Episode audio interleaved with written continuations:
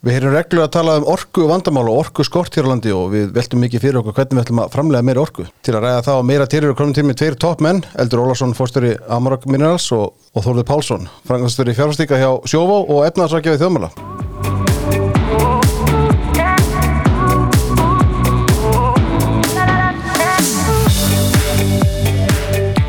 Verið velkominir, hér er stuð og stemning. Hvað segir ég gott? Svona förstas eftir mittegi, Bara mjög gott er það ekki? Jú, jú. Við ætlum að hittast nýlega bara á kringlurkráni. Já, já, þetta er náttúrulega- Þetta er náttúrulega sko að fara að verða aðalstarf hjá mér Ég er búin að Já. setja hennar titil núna inn í símaskrána sko, Þórður Pálsson, Já, efnarsrækja einmitt. þjóðmála Ég þarf að semja við eh, Hermann um að hann, hann haldi samt árum borga launin sko en, en, en, en starfshlutandi færi staðið syngað Nei, nei, þetta er hérna, ég reynda sko það var skotið að mér hugmyndum í, í vikunni, góður hugmynd hérna, ég fór á kringlukranna sem ég fennu oft og hitti þar góða nópa fólki. Maður hitti náttúrulega mjög margað með fyrir þangað. Og þau hefðu hlustað áramöndaþáttinn og þau voru bara með eina ósk fyrir árið, það var bara meiri þórður. Og þau vildu breyta orðinu þórðar gleði þannig að þórðar gleði myndi ríkja um þjóðmál. Já, en nú er ég ekki alveg vissum að það sé kannski svo stemning sem við viljum halda Nei, við ætlum að breyta því, sko. Breyta, já, Já. já, hann er mitt nafni minn á Snæfellsnesi sem að sem að var, var svo glad, gladis alltaf þegar einhverju gekk illa sko. Að. Ég er svona reynd með að vera Það- það er ekki stemningin hér, sko. Nei, nei, nei, nei. Nei, nei, það breytum við hugtakinu en kannski, kannski finnum við eitthvað betur orð með orðinu. Já, hmm. En við erum velkomnir, gaman að fá okkur. Eldur þú ert komið fyrstinn? Ég er komið fyrst inn, já, bara heiður að fá að vera hérna. Já, bara heiður að fá þig, við vorum saman á Grænlandi fyrir haust, það var mjög áhvert að fylgjast með starfseminni þar, við tókum nú þátt þar Já, á Grænlandi, þetta var bara eins Buð, og- buðum þér að vísu ekki að vera með í þættinum en, en, en hérna kannski, nú, nú komum að því. Já, ég er búin að bara væla mig hérna inn. Þetta er hérna, herriður, sko, ég fekk ykkur hérna í stúdíóða aðeins til að ræðum, veist, orkumál. Við, hérna, sem þið þekki, báði vel og svona orkumál í víður samengi, við heyrum náttúrulega mikið talað um, þú veist, vandamál hér á landi við yfirvóðandi orku skortur mögulegur, hvort við erum að framlega meira orku, hvernig við erum að framlega meira orku, til hvers og svo framvegis. Hvernig svona, ef við hendum okkur beint í djúbúrunum, hvernig er staðan í orkumálunum akkurat núna? Eða hvernig horfum við ykkur? Já, sko, það er kannski alltilega láta að koma fram að áður en ég var fórstjóri í Amorok sem er mæningfélag þá vann ég í Eratageranum bæði hérna á Íslandi og Elendis uh, á samt góðu fólki. Og ég, svona þegar ég var undirbúin fyrir það þátt þá uh, ákvæði nú að heyra í mínum gömlu kollegum. Mm og hún er væga sagt ekki góð staðan eins og hún er í dag. Og ég held að sem ég langaði kannski að koma inn á henni í dag á einhverju leiti að það, það sem mér sýnist eftir því sem ég skoða þetta meira og meira og fylgist með umræðinni að það er eiginlega svona þrýr þættir sem gera verkum að hún er ekki góð eitt er það að það er lítil skilningur á því hvað orka þýðir fyrir okkur -hmm. það er lítil skilningur á því hvað það þarf til að búa hana til, hvernig hún gerir þetta og svo frammeðis. Þannig að ég teki eftir því að þegar oft er farið yfir þessi mál og þau eru rætt og það er talað um lífskjör, veist, hvað þýðir lífskjör og Mm. af hverju eru lífskjör og allt þetta, þannig að ég held að það sé eitthvað sem væri kannski gaman að tæpa þess á. Uh, og svo er það hinni liðin að uh, þú veist, uh, er þá sko af hverju þurfum við þetta going forward ef við höfum það svona gott í dag Mm og það eru svona ótrúlega margir þættir sem koma þar að og sumtaði get ég nefndi hérna og tæknilega og getum farið kannski við þetta en martaði hefur líka að gera bara með svona hagfræði og hvernig okkur líður og hvað við þurfum að gera og svo frammiðis en ég held í grunninn sé þá hérna fyrir mína parta ef ég horfi á Ísland og hvernig svona velmögunin er á Íslandi þá má að mörgur leiti líki okkur við löndi við Östurlandunum sem hafa það svo gott út á olíuöði að við getum leift okkur að gera ótrúlega margar hluti af því að við höfum ótrúi orku Mhm. og ég held að það sé ekki endilega skilningur í því og til að, til bara einfalda þetta nýri ykkur svona hluti er að ég er ekki endilega vissum að allir skilja nákvæmlega hvernig þeir skrúa frá heitavatninu heima á sér að þetta tók 20 ára að búa til Það er sjálfsagt hlutur í dag, einhvern veginn. Já, nákvæmlega. Þannig að það er, það er svona þáttur sem ég held að skipti útrúlega miklu máli og það sem gerist er líka er að þessi máli eru flókin. Það er ekkit flóknar, það er bara, kannski endur orða, þau, þau eru ekki flókin en þau, þau taka tíma og elju og þekkingu að skilja þetta og gera þetta og svo fram með þannig að þegar uh, þessi auðmingismenn sem er að vinna í þessum geira er að tala fyrir þessu þá er að faraði bara hún í dítilinu og þá í daglegu tali missir fólk svona svolítið þráðun oft. Þannig að það er mjög ágjöfandi og það er kannski ekki ágjöfandi á púntstöðun í dag en það verður það ef við höldum svona áfram fyrir börnun okkar. Og það mun líka hafa svona þjóðurörgisleg áhrif á okkur góðum fórhald í framtíðinni. Og það er þannig að þegar við erum alltaf byggja upp eitthvað hérna, lífskeirin okkar þá þurfum við að hugsa til batna, batna, batna ef við ætlum að njóta þess sama og við höfum fengið við hérna, þrýr allavega. Mm -hmm. Náttúrulega, við erum aðeins komið inn á, inn á þetta hérna áður en þú veist bara þessi lífsgæði sem að eldur myndist á og þú veist og bara svo, svo, já, svo gæði sem við búum við í dag, þau eru náttúrulega ekki sjálfsögð en þau eru náttúrulega byggja svolítið á orku nýtingu mm. Já, ég held að, að það sé algjörlega augljóst að undirstaða allar velmugunar er orka og mm -hmm. allar framfarir eru drifnan á, á því að við erum alltaf að ná að nota betri og betri orkugjafa og nýta það á hagkvæmari hátt. Og þess hagvöxtur það þýðir bara það að þú veist að færa framslu þætti í verðmættar í nótgum eins og þú veist að verði ekkert nýtt til með hagvöxti heldur þú veist bara að, að, að breyta hlutunum eða færa þá til í, í, í betri nótkun annarkort með því að nota þá nýjan hátt eða selja þennu nýja markað og svo framvegis. Mm -hmm. og til þess þartu orku og þú þart meiri orku. Og, hérna, og það er líka þannig að framfæriðnar eru þannig að, að við erum alltaf að fá meira og meira út úr, út úr orkunni. Og ef við ætlum að halda áfram þessum lífsgæðum sem eru hérna að þá þurfum við að búa til nýja orku. En ég held að þetta sé út af það sem, að, sem eldur var að, að tala um að það er eins og sko í stjórnmánum eins og í nútímanum að við erum svo upptökina því að skipta gæðunum að við höfum ekki lengur áhugað í sko hvernig þau verða til og við sjá og ekki bara það hvernig þau verða til heldur sko erum við látum líka algjörnundur höfuleggjast algjörnundur höfuleggjast að, að viðhalda þeim uh mhm. -huh. við sjáum þetta á vegakerfinu við sjáum þetta í skólum sem eru miklaðir og við sjáum þetta í orkunni vegna þess að hún dýr í dag að þá hyggjum ekki að því að, hérna, að, að, að byggja til framtíðar uh, til viðbót við þetta sem gerur síðan orkunna er, erfiðara erfiða og þess, þetta hérna, kannski reyndar aðeins ekki með því að þá hérna, er þetta ekki eitthvað sér Íslands fyrirbæri þetta er um allan heim og við sjáum það að fyrirhyggjuleysið til að mynda í aðrandastrísins í, í Úkrænu, í orkumálum í mm. Evrópu og og síðan er gríðarlega vanfjárfæring bæði í orgu og svo hverskins námuframleyslu sem þarf að mann vilja fara í, í, í orguskipti sem það hefur algjör enga veginn verið sínt, það er eins og mann ímyndi sér að þetta bara gerist það sjálfu sér. En svo eru við þetta aðrir aðilar sem að ímynda sér alls ekkert að þetta gerist það sjálfu sér vegna þess að þeir bara beinlins vilja ekki að þetta gerist. Og það er þessi sem á ennsku kallast degrowth hreyfingin og við sjáum mjög sterk Útskiptaðin spytur hvað áttum við því. Já, það er bara þeir sem er byllinni svo móti hafvexti og við sjáum þetta mjög núna til að sjá landvernd og ymsum sem eru svona tengjast þeim samtökum uh mhm. -huh. að þeir, þeir eru byllinni svo móti hafvexti og í stað hafvextara þá vilja þeir að, að einhverja ennbætismenn eða ríkið að, að þeir skipuleggi hafkjörfið og þetta eru þetta bara nákvæmlega sama hugmyndafræði og var kannski á þrýði og fjóruð ára á tökaldræna svona þessi alltæki sósalismi og í dag erum við sjá svona á erlendu vettvangi er Jason Hickel kannski kunnastu fyrir skrifið þessa veru. Og það er ímynda menn sér að ríki geti algjörlega stýrt og, og skipulagt hagkerfið. Og ég, en aftur maður er að þannig til mynda að þess að Ísland er hálunaland.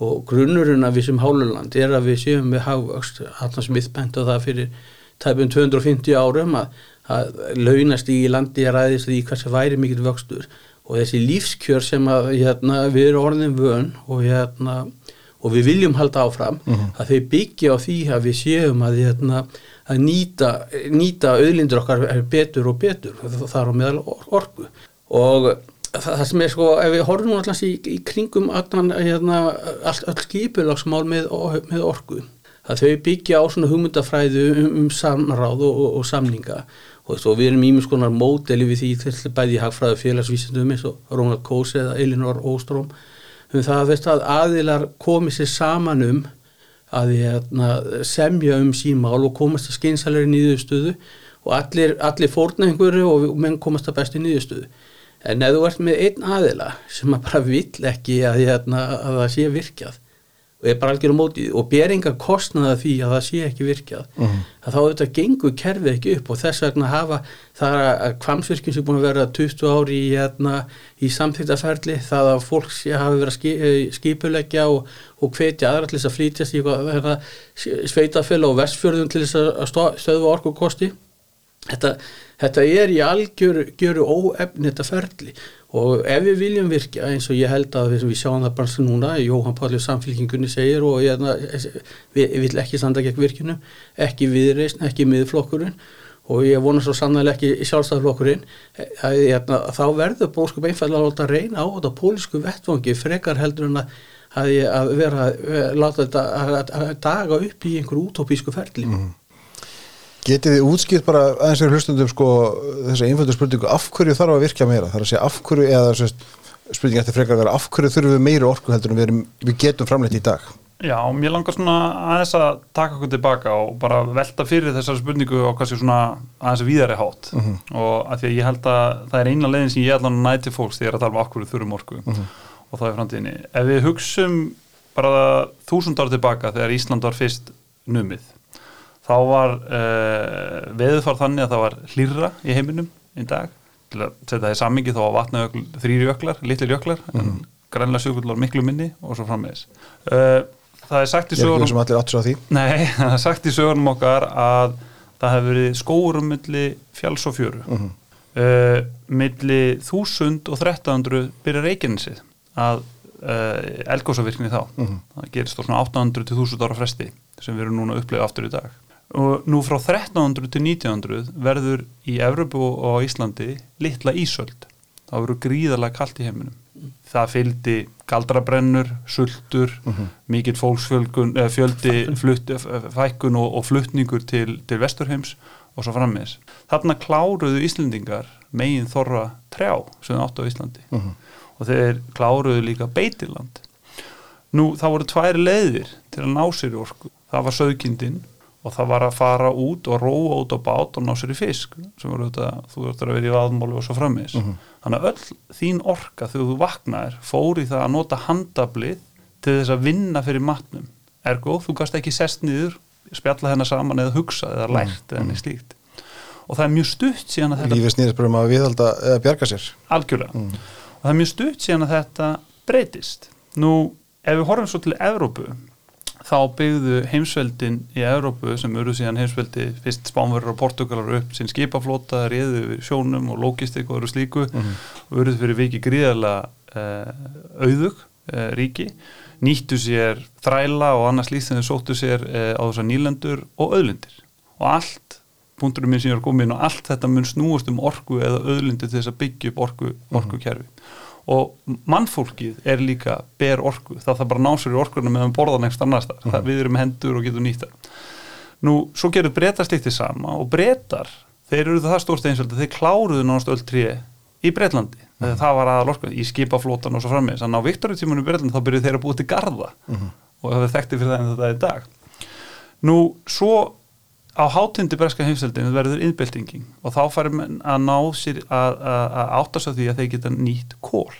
Kól hefur miklu harra orku innihald heldur en að brenna tré og kól var, er mjög þægilt með það að gera að þú gast farið og þú gast höggið það út úr bergi eða neðra námum og setta það í hjólpuru, tréhjólpuru eða hestvagn og svo frammeins. Þetta gast ekki gert með olíu þessum tíma.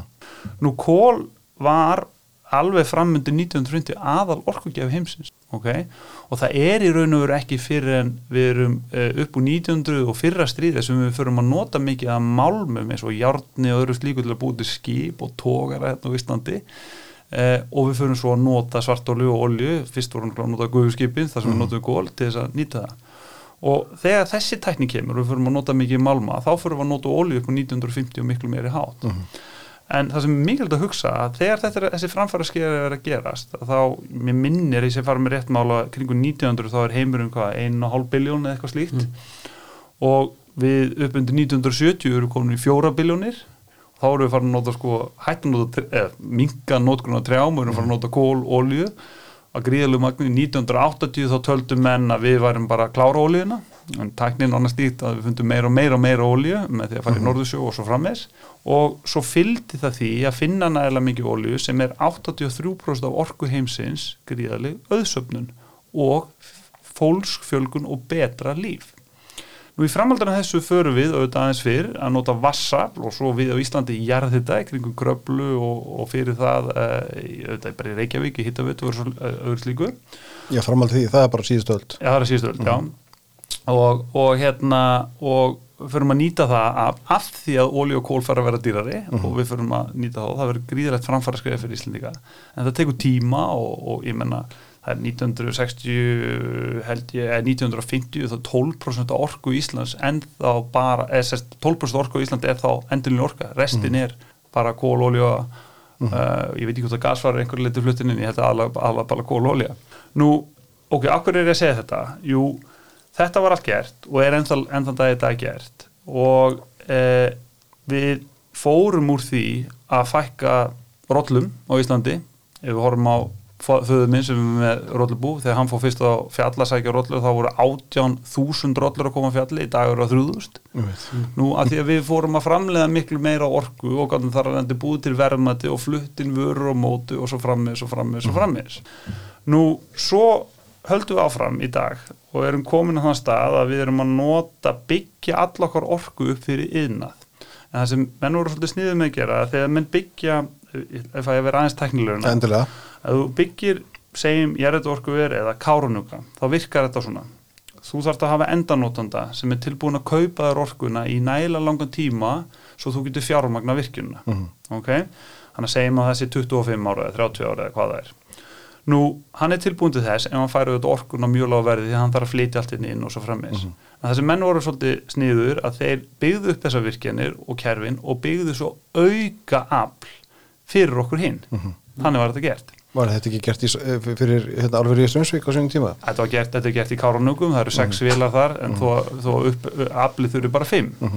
Mm. Nú, svo er þetta alveg gert og nú hefur ekki stórið að verið byggt upp meira, þannig að við erum að komast til stöðu núna í Íslandi sem er frábært stað að við erum að, að greiða niður þessu lán sem voru alltaf þróunabanka, sem voru mjög svona stíflán, þeir snýðustum svolítið um það allt sem var eftir, þá var einhvern veginn bara borgað niður hatt og vextirna hefði ekki háir. Mhm og núna erum við þeirri stöðu að þið sjáðu að landsverkinu er að skila tölvöld mikið að fríu tekjuflæði. Mm. -hmm. þannig að núna ef við verum að horfa orku skipti og við viljum fara í orku skipti þá getum við í raun byggt, segjum 100-200 mega og jáfnvel meira ef við, við horfum bara á landsverkinu svona því að það er okkar þjóðaregn bara út frá tekjuflæði landsverkinar og það er svolítið mikilvægt ef þú ætlar að fara að byggja honi almenna markað, bræðslur bíla, allt svona mm -hmm. þá er þetta ekkert með langtíma sanning 8770 tíma ári sem mm. þú býr til PPA samning á mm. og þess vegna er þetta svo, svo frábær stað að verið að við getum fara að byggja þessu orkuðina hægt og býtandi upp og við haldi í kerfinu og þar leðandi fari hægt og býtandi inn í þessi að búa þá til orku fyrir minnifjöli á þess að vera með þessa langtíma orkusölu samning alltaf mm. hangandi yfir okkur. Til stórnótið það. En þetta er, ég meina, er, er þetta já, þetta þá jákvæð staðar sem var landsverkjum í með það sem þú ert að segja hér? Já hún er það og, en, en það sem vandamáli þá er, er að þá, þá horfum við tilbaka, ok, hvað þarf að virkja mikið og þetta, þarna held ég að ásendingarsteytni sé að myndi segja um landvendar eða umhverfisvendar fólks mm -hmm. og, og þá, þeirra sem segja, herru við þurfum orka að halda til að hafa þetta hafkjörn og ég hef alveg skilning á sjónamiðum landvindar og annars því, það sem hugmyndin er herðu, og það er líka svona efnaðistöfu skilningu hvað þau að venda út, út frá hérna, túrisma og svo mhm. frammeins og frammeins og þetta virðist alltaf þurfa að vera einhvern veginn polarisera. Nefnum ég held að sé leið þarna milli og ég er alveg samfarrður um það. Mm -hmm. og ég hugsa að ef að menn og konur myndu setjast niður og einblýna á þá tvo orkukosti sem eru mjög góði sem eru jærðiti og vassafl mm. myndu einblina á það að klára að tengja landi þannig að við nýtum rafmagnin sem best á millilandsluta Tengja landi þá áttu við dreifinettið á rafvörkunni Já, mm -hmm. þannig að það til dæmis núni í vetur þá var afgangsorka í Kárunugum mm -hmm. en þá vantaði orka á Suðvesturlandi og það hefði verið að færa já, það getið fært 200 megawatt yfir á Suðvesturlandi þá hefði ekki verið orkusvöld á mhm. Suðvesturlandi mm -hmm. og það hefði ekki, þurft að skerða orku til grundartaka til dæmis Þannig að þetta er hægt að gera á mjög öldan hátt.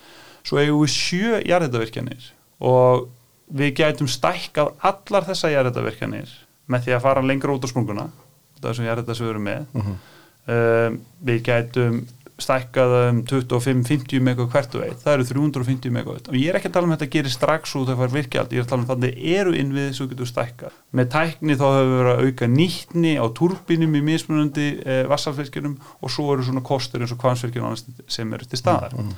Svo kemur á þjóraurkismálum. Við viljum horfa til þess að hafa litlar virkjandi inn í netunu á það sem við kallum ekki eldvirksvæði. Lagagýjar mm -hmm. þesta elgós Íslands er nálægt eða á þjórsásvæðinu. Það eru þúsund megavött. Mm -hmm. þannig að við þurfum líka að hugsa hvernig byggjum við neti ef eitthvað kemur upp á. Og við sjáum þetta núni svo að við sjáum þetta í dag Já, og það, það er bara veruleikin okkur. Við þurfum ekki að vera stressuð við því. Við sjáum þetta líka í kröplu það voru tvær hólur sem eðlegust í kröplueldum það var ekki meira sko og það var bara hægt að bóra þar aftur sko. Önnur reyndar hún gaus og hún held áfram að gefa okkur þannig að þetta, þetta er allt hægt. Við þurfum bara svolítið að, að hérna, horfa þessu við höfum fókusar á þessa að mínu viti á þessa tvo orkugjáðs við höfum og þessa innviðs við höfum.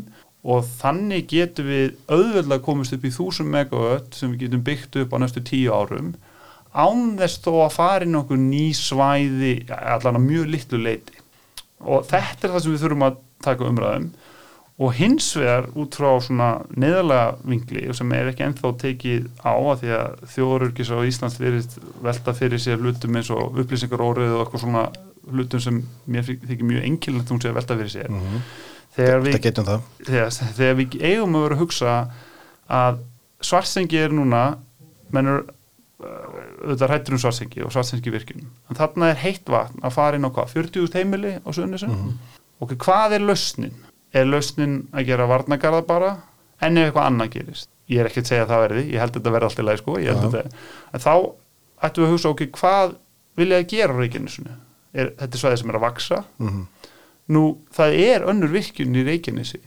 Það er litla sandvík sem er óboruð, mm -hmm. það er hægt að færa heitt vatn á Reykjanesi inn, inn, inn í, í Keflavík og Nervík og við erum ekki að því í dag en við erum ekki að gera það, mm -hmm. þannig að það verður hægt að setja upp lögnáðamilli Nú, helliseiði eða nesivellir eða fyrir að gjósa á þessum svæðum þá er krísuvík til staðar mm. til þess að uh, bjóða upp á heitt vatn fyrir uh, Reykjavík og líka fyrir vöxtinu Reykjavík sem við þurfum meira heitt vatn mm.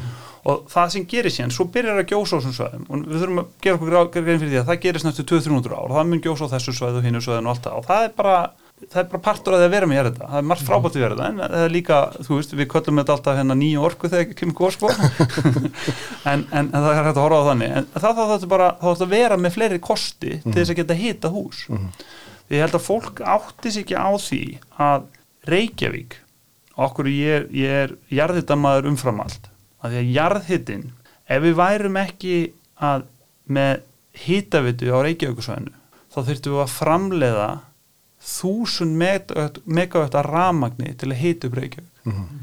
þannig í raun og veru er helliseiði og nesevillir ekki 400 megawatt ramagn og svo eitthvað heitvann þetta er 1400 megawatt að virkjum mm -hmm.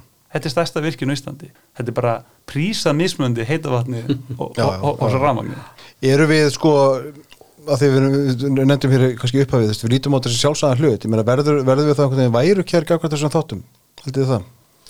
Sko ég, hérna, já ég held að, ég held að sko, fiskurinn veit ekki hann er í vatni og sama við höfum alist upp við þetta og, mm -hmm. og fengið til raun og veru sko arfleið kynislóðuna með, með þessum virkinum en ég, hérna, og, og þá vantar svolítið að horfa fram í, í, í tíma mitt þegar að sko, við verðum alltaf í huga, hafa í huga sem að eldur nefndi að fór í gegnum svona þessu sögu orkunótkunar að orkuskiptin er ekkit nýtt orkuskiptin, við erum alltaf í orkuskiptin, við erum alltaf að nota Hérna, að læra að nota hagkvæmari orkugjafa og við erum að læra að nota það á, bitur mm -hmm. og hagkvæmari hátt eins og hann nefndi með turbínunar og, hérna, og það, er, það vil nú þannig til, til, mynda, til að mynda þess að við erum með aðgang að hagkvæmustu og bestu orkugjöfunum eða svona hreinustu orkugjöfunum.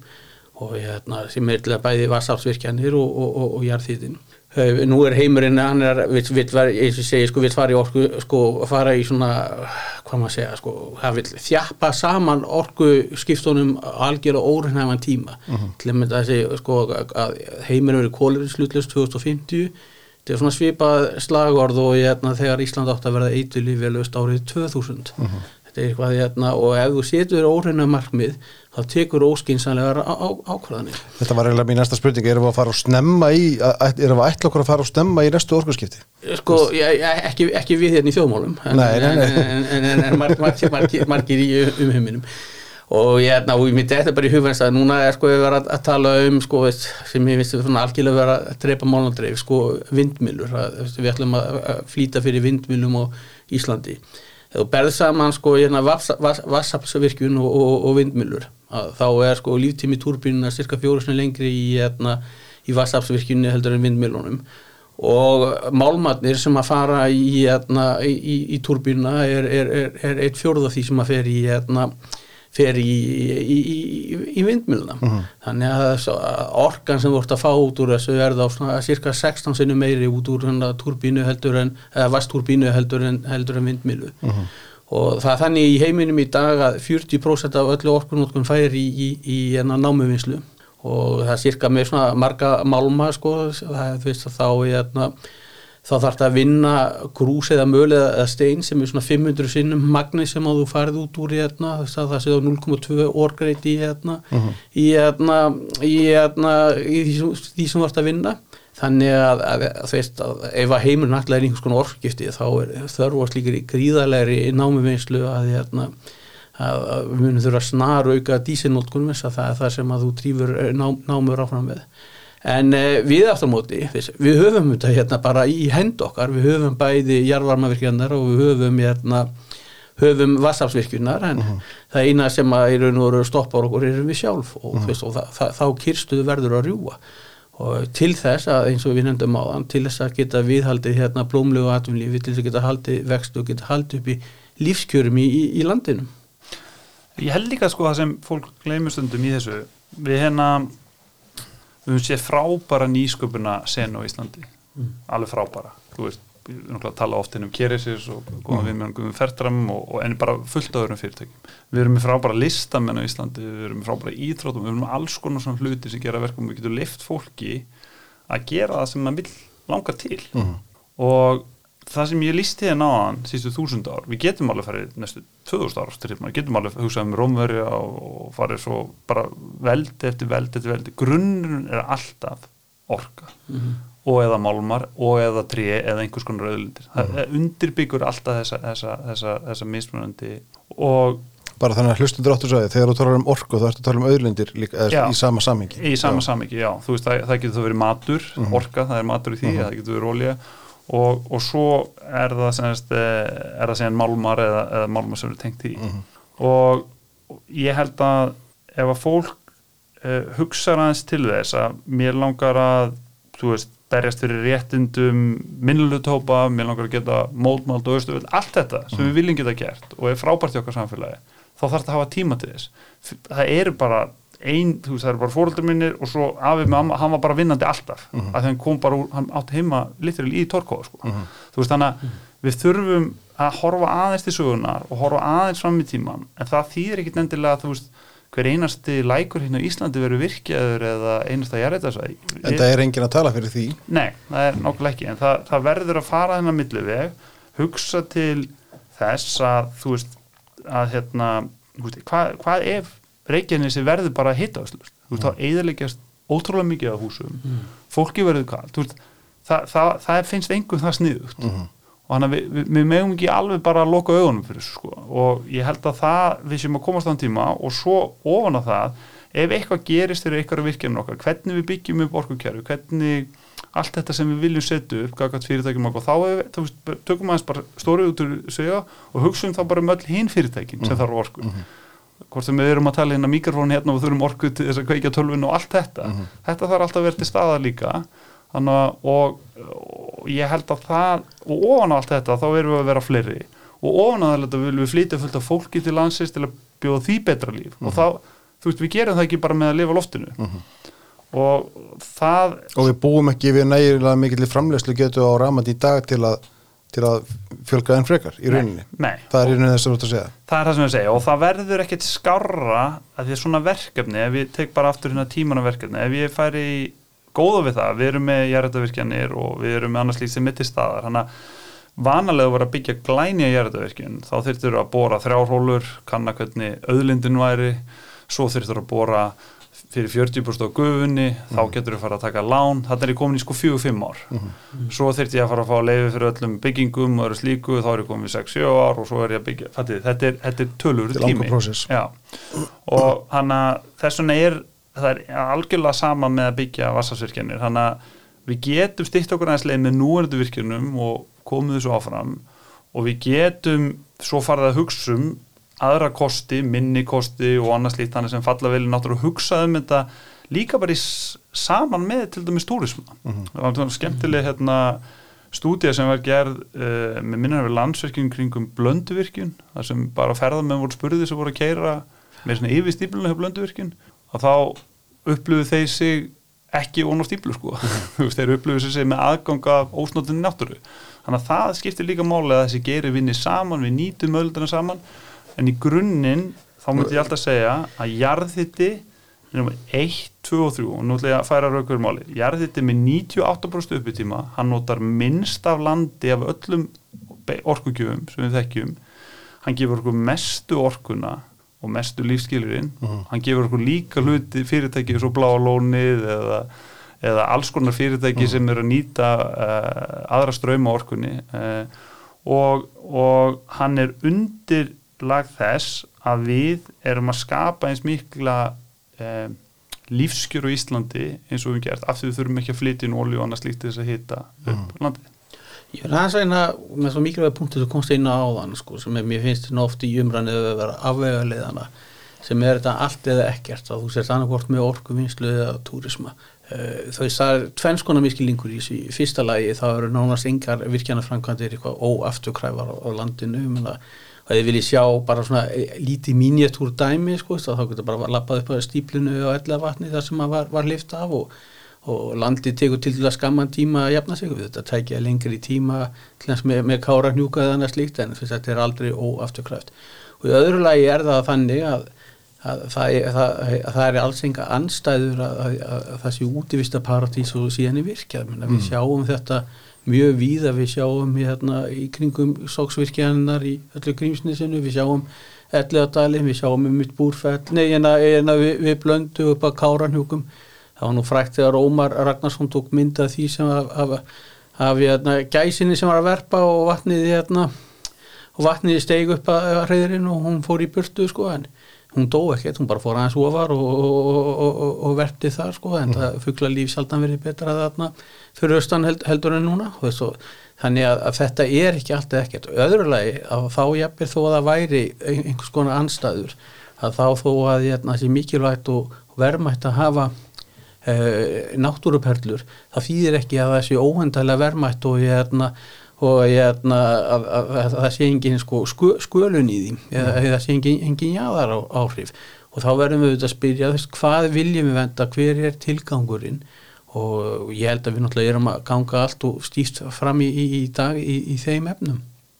En er hægt að verðmeta eða þú veist, já, já ver, verðmeta sko svona óeiginlega gæði, þú veist, bara náttúru fegur, þú meina, ver- verður hún metin til fjár? Nei, það held ég ekki. Veist, það eru ymsar leiðir sem að, að, að menn, gera það en ég held að þetta sé all, alltaf, alltaf hug- huglægt og, hérna, og þú veist ég byrð þó að ég hérna, að við gætum sko metið haförnin til fjárað fyrst þá myndum við ekki leifa manni að skjóta sem geti borgað þá upphæð sko. Þannig að, hérna, að það er svona þannig að það eru þetta hérna svona einhverju leiti absolutt gildi í þessu. Við myndum ekki vilja hérna virkja, virkja hérna, við, við, við þingvellið ofan í, ofan í, ofan í gilið. En, en það þýðir ekki að, að, að allir lækir eða öll jarðhýttasvæði að, að, að þau séu tabú.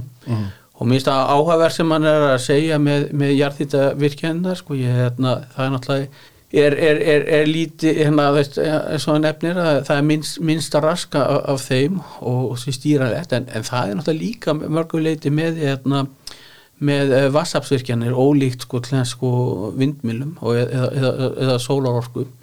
Og fyrst að mann ekki hvort ég nefndi á þann að vindmil, vindmilur og sólarorka í dag í orkunótkun heimsins er eitt þriði af því sem að eru í því að, að, að brenna, brenna við þetta, er, þetta er ekki neitt neitt. Þetta er innan við 3% af, orku, orku þarf heimsins sem allt er farið að snúast um á Vesturlandum en hérna En, en, en að þessi er orkugjafar sem eru svona óáreðanlegir að með vassapsvirkjun að þá getur við hérna, stýrt einhverju leiti og ég hef dælt aftur upp í lónin stýrt í hérna, orku, orku, orku framleiðslunni og það er og það er, veist, það er þessi hlutir sem skipta máli það er, hérna, það er áraðanleikin verðan þess að, að ef að þú ert með og, og, og það er það sem við erum að fórna núna með því að þurfa að skerða orku Hérna, og það er það sem kemur vest nýður á heiminum að í löndum þar sem verður ekki með áræðanlega orku þú getur ekki verið með áræðanlega hérna, orku inn og spítala eða, eða, eða, eða framleyslu þetta, þetta kemur alveg staðar við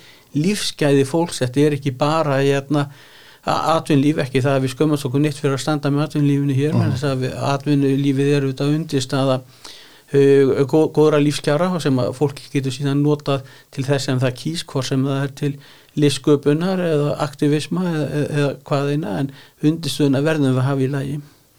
Ég held ekki að sko að því að ég ekki að ég ætla að reyna að vera ekki, alls ekki pólitískur en, en eins og við sáum hérna með nýja frumöppi sem fór ekki gegn jólinn, fyrir jólinn að það eru svona Rátt að fara að stýra eitthvað orkan færi Já, og þar sko, þar finnst mér eila svona ekki sko sjálf frumöppið heldur vandamálið mm. að leiðin til þess að lækka og bæta lífs, eða til að auka lífskjör og lækka orkakostna er að vera meira frambúð og það er alltaf, það, það þarf einhvern, ég er, ekki, ég er bara jarfræðingur sko, mm. ég get samt skilið það og svo er það hinn punkturinn að ég sé ekki kannski hef ég ránturinn með, ég sé ekki hvernig stóru orkufyrirtækin geta skert orku út frá þessu svona frumvarfi til stórnótunda öðru svona að vera skafabóta skild mm -hmm það er svona búin að gera samlinga fram í tíman Já, mm.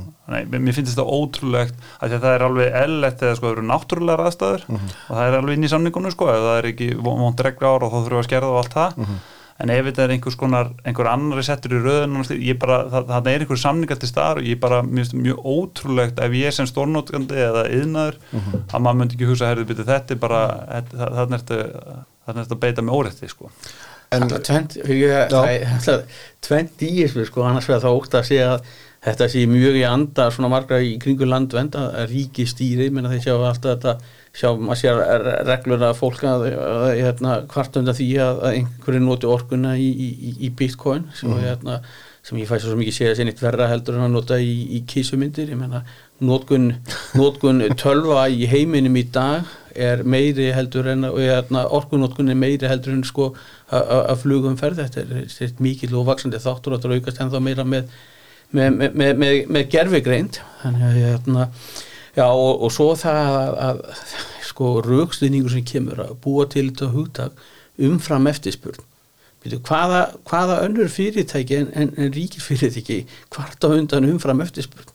Mm -hmm þessi hérna, þá er alltaf bara tventaræða, það er annars vegar að hækka verðið hins vegar að, hérna, að ef að þú getur framleitt hérna, og hafkvæman hátt hérna, meiri orgu á, á þessu verði sem er að hérna, framleiða meiri orgu en það, það er náttúrulega líka galli á Íslandi að við erum algjörlega ríkisvætti hérna, orgukerfi og þess að maður horfur orgukerfi eins og mjög svo margt annað þá dettur mann í hugamli brandarni og Milton Friedman að það var ríkir er sett í að myndi taka þessi sandsölu í Sahara þá er það sandskortur innan fimm ára og þó, við erum með lóðaskort þó að við séum mér næstir álbílasta land í heimi. Við erum með orkuskort þó að, að, að við séum aðganga að hafa kvæmist á orkuöðlind í heimi. Mm -hmm. Er, hérna, já, ekki bara það að við erum með ríkisíki heldur, við erum líka með sko fórstjóra sem að tala í kross, menna að mann hörður Ardarsson, fórstjóra landsvíkjuna að tala um það að það þurfa að virka meira og ná frá meira orku. Og þá er ekki, það er hvað, tvö ár síðan að Bjarni Bjarnarsson, þáverandi fórstur í orkuvitur Reykjavík og segði að þýrt ekki meira orku í landinu. Já, já. Þú veist. Það er mismjöndi sín en við, við þurfum auðvitað að hafa bara helst mörg fyrirtæki og þá er líka losnum við út úr þessum miðstýringa hugsunahættu það er mm. hvernig ég er að nota, ég, nota orkuna. Ég, það er engin menn að ræða það sko samfélagsmiðlum eða frettatháttum það sko hverjum við höfum að selja fiskin okkar eða, mm. og við kvartum aldrei undan umfram eftirspurt þa þar. Mm -hmm. bara fiskurinn er bara seldu þeim sem er tilbúin að greiða hæst verð fyrir hann sem er þá öllu jöfna sá sem hefur mest nót fyrir hann. Og það samættu þetta að vera með orkuna. Kanski tvær spurningar tegnd á þessu því það getur betur ég sko. Ef, ef við lítum bara meðal heimili veist, við vitum að það er allir með síma sem það er að hlaða, það eru er tölfur og til að skoða kísumyndunar og allt þetta. Mm. það eru sjónvörp, það eru ískapar sem að, veist, öll, þessi tæki vantilega, ég segi eins og ískapar fyrstikistur, örbyggjafnar og allt þetta þetta, þetta nota vantilega minni orku í dag þetta er gerðið fyrir 10 og 20 ára síðan. Mm -hmm. en orkunókurinn er samt orðin að þetta er svo mörg tæki orðin miklu meiri, er, er það ekki rétt hjá mér að meðar heimili þarf miklu meiri orku heldur en þurfti fyrir 10-20 árum ekki rétt hjá mér sko, ég, ég bara veit ekki svarin nákvæmlega uh mhm. -huh. út af þessum punktu svo að segja, ég mann það komu hugmynd þegar menn, ég mann kringum 2000 þá voru vangu aldrei það að það er mikill orku skortur og svo fóru bara aldrei að nota tekni til þess að láta alla ljósaböru nýta minni orku og svo frammi, sko, þannig að það, það hefði svolítið ásug þannig að ég bara verði að vikina að ég þekk ekki og þegar maður skoðar, hérna, ég þurfti að í ískap í fyrra, fyrra, sko, þá var, hérna Alltaf er að fara að lesa sér til um sko, orkurnótkunna á ískáttum, eitthvað sem er aldrei spáð í sko. sko. Hvert og eitt tæki er að nota miklu minna en síðan er það þetta þannig að, að við erum ekki að nota alltaf orkunna heima okkur eins að þú ert að hlaða símaðin og skoða kísumindar og kísumindar er kannski geimdar á, á server sem er knúin áfram að þreymur kjarnokku við erum á Índlandi og, hérna, og svo, svo koll á kolli eða mm -hmm það er alls konar svona ég held að sé sko þetta er eitt og, en það sem við náttúrulega sjáum mest er að heitafelsreikningunum er orðin dýrari og dýrari og dýrari mhm. -huh. og þessi tveir þættir á Íslandi þurfa að vera ódýrir til þess að vega upp á mótu öllum öðrum kostnæðum sem er hérna uh -huh. og við þurfum að halda hana þannig og ég sko það sem Er það samt? Ég bara velti fyrir mig sko meina, við, við, við, Nei, skulum, þessi, þessi raukraðastum tekið þá í þá átt að við seljum fiskin okkar til útlanda getýru gældi mm, mm. ef við getum Veist, af hverju á orka að vera, þú nefndist þessi upphauð sko, hann nefndi heitavatni sem flýtur ekki úr landi og þú getur unnið hann að hafa hvað mann hátt hérna, þú ert að vísi heitavatni fyrir ekki þá leggja þetta rífrið til hliðar. En þú getur að tekið þetta upp hvort við ættum að reysa sæstreng en það er spurning hvort að viljum við reyna fram á nót það sem ég átti við ekki kannski meira var frambásliðin og það sem sko gerir það verkum að eitthvað heitavatn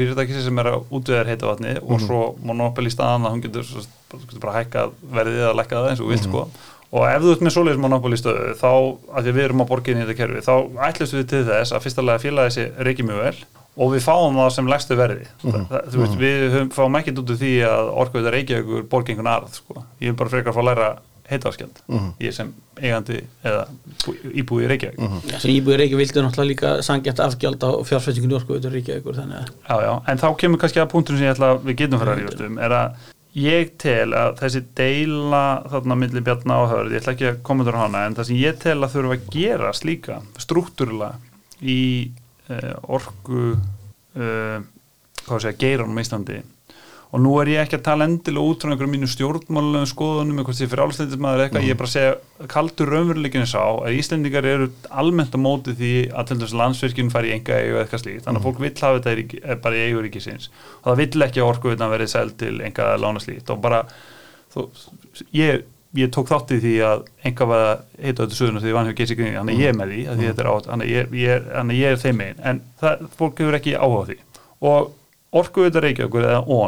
ON líkil andrið finnst mér til þess að við getum farið að virka meira er að ón orkanáttúrunar verði seld til landsvíkunar mm. Af hverju? Af því að þarna líkja að með minnir stærstu skuldapakki orkuvitunar sem er með beina áættu í álverði mm -hmm. af því að þeir eru að nota stóran part af þessu rafmagn til að selja álverð uh, þeir hafa ekki getu út af planinu, út af öllum vandamálum orkuvitunar sem var er til þess að viðhalda lögnum, hólum, fjárfestingum og var mm. kannski mögulega okkur Bjarni talaði ekki fyrir því að fara að virkja meira því að það var bara ekki geta til þess mm. meðan ballastildi á landsveikinu geta það og í staðin væri þá að búa til einhvers konar viðskipti þar sem uh, Reykjavíkuborg geti þá bara fengið aftur hluti í landsveikinu annars líkt og fengið þá þennan aðsinn þann eða, mm. eða greitur aðra þar út en ég held að það sé ótrúlega mikilagt því að við þurfum getu, fjárfestinga getu að því að orkuðutar Reykjavíkur á og hefur umræðu yfir gríðalega stórum jærættasvæðum og getur vaksið mjög vel en það gerir það ekki með þessum eigandarsinn í dag mm -hmm. og ég, ef, sko fyrir þá borgina, hún myndi þá losast við hvað, 150 miljardar í skuldir þannig að ég held að þetta geti virkað nokkuð vel ég held að partur af þessu vandamáli þannig að hvernig byggjum orkuðina er að þú ert með landsverkjum sem hefur getuna þú ert auðvitað með hásorku sem hefur einhvers konar getu en, en hefur kannski ekki ekki verið mikið að gera það það meira að vera svona bara að greið út arð og annars líkt, maður hefur séð það svona síðustu ári en, en, kannski er það einhvers skúrt kerfi sem stoppaði á allt það sko. En, en þannig að það er eitt félag sem getur þetta mjög vel sem er landsverkjun orkveitan alltaf sér ekki að gera neitt og er, og er mörguleiti ekki einn svona viðhælda jarðarsöðum sem neitt með endurbor og svo framvegis og ég held að það sem strúktur leiðir á lóku til orkuskost nákvæmlega og leiðir að lókun til þess að það þarf að viðhalda öllu meira og allt þetta sem, sem er til. Og þessun erum við að borga herra afgjölda þessu. Ég held að sé, sé, sé tvent í þessum.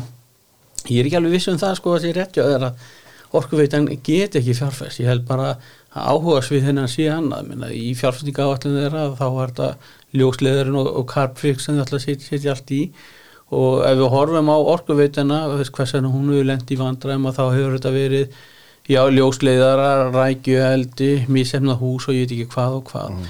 Og þá er það auðvitað, eins og þú nefndir á þann ég meina ef þú þú telur þið vera með náttúrulega einókun og allar að regulera hann einhvern veginn þá verður þú líka að, hérna, að setja hérna, ský, skýra reglur um það að fyrirtæki bara sinni hlutverki sínu en sé ekki að fara í annað en sé ekki að nota eh, sko, einokuna hagnað eða einhvers konar aðstöðu hagnað í óskild verkefni og jafnvel í samkeppni við aðra, aðra aðila eins og orkuveitan svo sannlega gerði og ljósleðarinn er alltaf bestu dæmið þess Dæmi það. og svo hérna, en svo hérna er, sko, er, er ég náttúrulega ekki eins fe- feiminu eldur við að vera pólitískur að- og hérna, ég held að þessi nokkur rétt mat hjá honum að það sé ekki mikil stemning fyrir hérna, hingaveðingu orku fyrirtækja en ég held hins vegar að saminning hérna, orku náttúrunar og, og, og, landsvíkjunar að, að það myndi hérna, verulega auka áhugan á, hérna, á, á engavæðingu verðan þess að við varum að búa til en þá svona stærra, stærra, stærra monopól.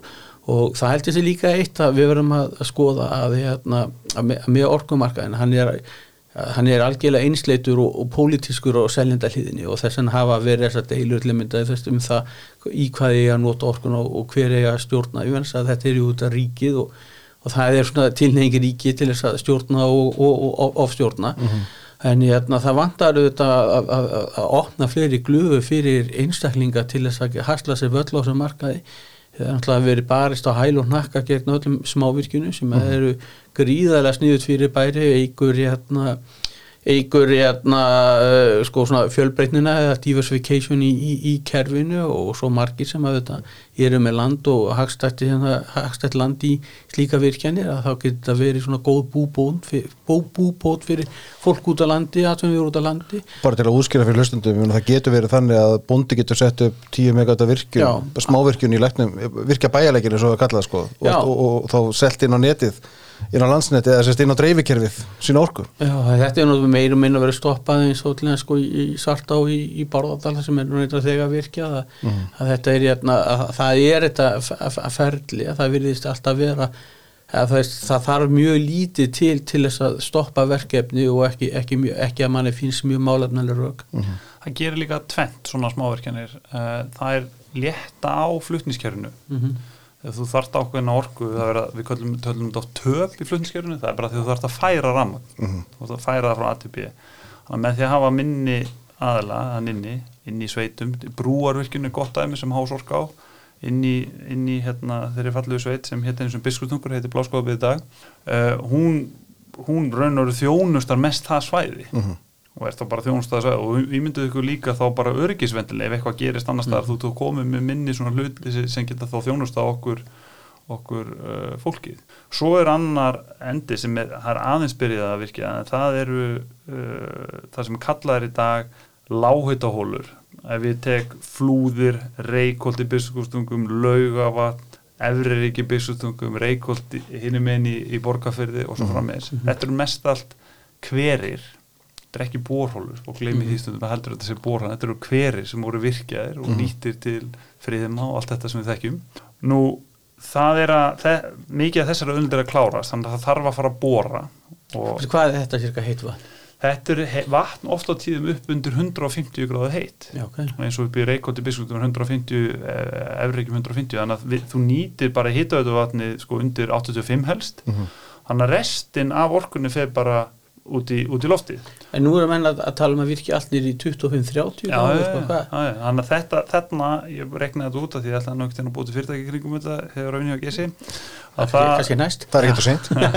Að það, þetta eru núverandi hólur eða hverir er að skila á öllu landinu svona 200 megavötu óbeislu bara út í andrústati það er engin átt að bóra neitt það er auðvitað að setja velbúna á og hann er veist, dýr og kostnæðasamur og, og rargöður hefur verið á látið þess að réttláta en ég er að segja, það eru svona aðri og það sem er nokkulega auðvitað mest spennandi ef ég gef einhverjum enn góðum frumkvöli sem hefur tíma meir tíminni er að bóra djúft í svæði eins og flúði. Mhm. eða torfastöðum í byggstöðuga sem ég var að bóra hólu fyrir fórhaldum einu ári. Að því að þú ert að komast nýra 1000 metra eða minna og fá 150 gráð hvað gerist á 2000 metrum þetta hefur verið gert í haugóldum Hvað heldur þú að gerast? ég held að sé hitastígullin eins og hann er skýrður út núna þetta séu svona láhita svæði en hitastígullin er á hálf þú ert með of heitt vatn, of nálægt erskorpunni til þess að sé ekki einhvers konar hitið þann undir sem er herri og þarna ímyndi ykkur ég væri á túnunum biskustungum með flúðu með annars líkt og er að bóra alvöru hólur 30 km hólur þetta kostar auðvitað, þetta er svaka, þú veist en þetta er, þetta er eitthvað sem til dæmis orkusjóður það verður að gera Mhm. þegar þarna getur við fara að búa til orku á stöðum þar sem væri til dæmis ekki, ekki debatt um hvort að þetta verður að slá grasið þarna eða bara virki orku sko. En þess að skýra sko betur hérna út og komst inn á þannig að það er lámars jarðaskvið hérna jarðamæskinni ef þú stingur nýður hólið þarna ég, nú veit ég ekki, nú, kannski ég munið þið allan að þegar ég var ungur sem orðan sér langt síðan þá veist að þá þegar maður þegar maður kerði framjá það sem að kaupallarhúsið er, er, er núna hérna, á, á, á, á, laug- á laugavegi að það var alltaf svona bara, það var bara svona brútt skúr og svo bara kom, kom svona fullt af gufu upp úr og Er þarna. Og gerir enn Ge- gerir henni, já, Já, já, já. bara miklu fallir í skúrinu hvað, er þetta til þess að byggja einhvers konar litla hýtaveitu eða virkin, Hva, hvað er raskið í raun og veru? raski sama sem ekki neitt svona, sko, fyrir hitauðu hólur, þúsund metru hólur það gerur þetta bara aftan á svona uh, flutningabíl sko. Mm og, og getur skoðað þetta hérna heima sér í jarboruna eða ræktó eins og það kalla og þú borar niður og, og ummálið er fyrst 8 tómur og svo minkar það alltaf þessum fyrir dýbara hana, og svo setur þú dælunni og that's it sko. Og ef þú ert að fara í borhólu sem er e, háitahóla þá er ummálið aðeins meira og þá þarf það að steipa kjallar í kringum hóluna en það that's it sko og svo tengir hóluna. Og hann að þetta er ekki þetta er ekki svona eins og þú ert að horfa Nú voru að tala í mikrofónu Þið eru að vera Já, fyrir ekki, þetta er ekki eins og þau ert að horfa á sko hérna hvað að segja, vindmilur sem dæmi það er svona út að setja mikla vegi út að fara alveg hátt hátt upp í loftið og það er svaka sveifla og spöðunum og slíkt sko. Ég er á svo mótivera að mér langar bara helst að fara út að, að bóra þó ég sem Já, er bara- tí, tíu þumla bara helst um helgina, sko. hérna, en, en, en, þú- en þú heldur svona að þetta gæti verið hagkvæmt? Ég held að ef ég ætti að setja þetta niður fyrir þessi 1000 megawatt sem við viljum fá á næstu 10 árum, þá held ég þessi svona. Ég held að fá um 20-300 megawatt út því að tengja landi betur. Ég held við getum fengið að minnstakosti 300 megawatt úr litlum vassafsvirkjunum pluss þessum láhættavirkjunum ef við færum í það, þá þurftum við stuðning ríkisins svona til að koma þeim í gang.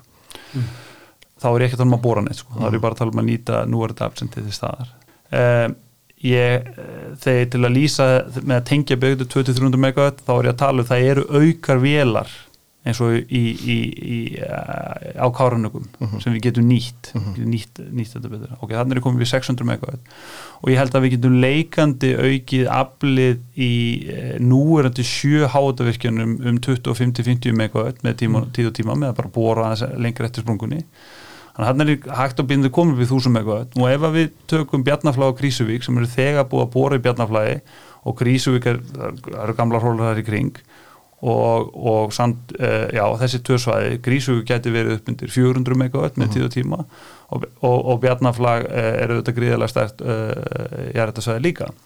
Þannig að þetta eru svona svæðin sem við höfum bara í hend okkar og er allt innan þess ramma sem við getum vunnið með og mun búa til gríðarlega verðmætti fyrir okkur. En er það ekki, fyrir er, er það ekki hérna, í raun og veru sko, ó- ólíktu hlutin jöfnun annar sko, það, það, það er þá flutningsnitið menna, fyrir, mér minnir að sem er líka jú.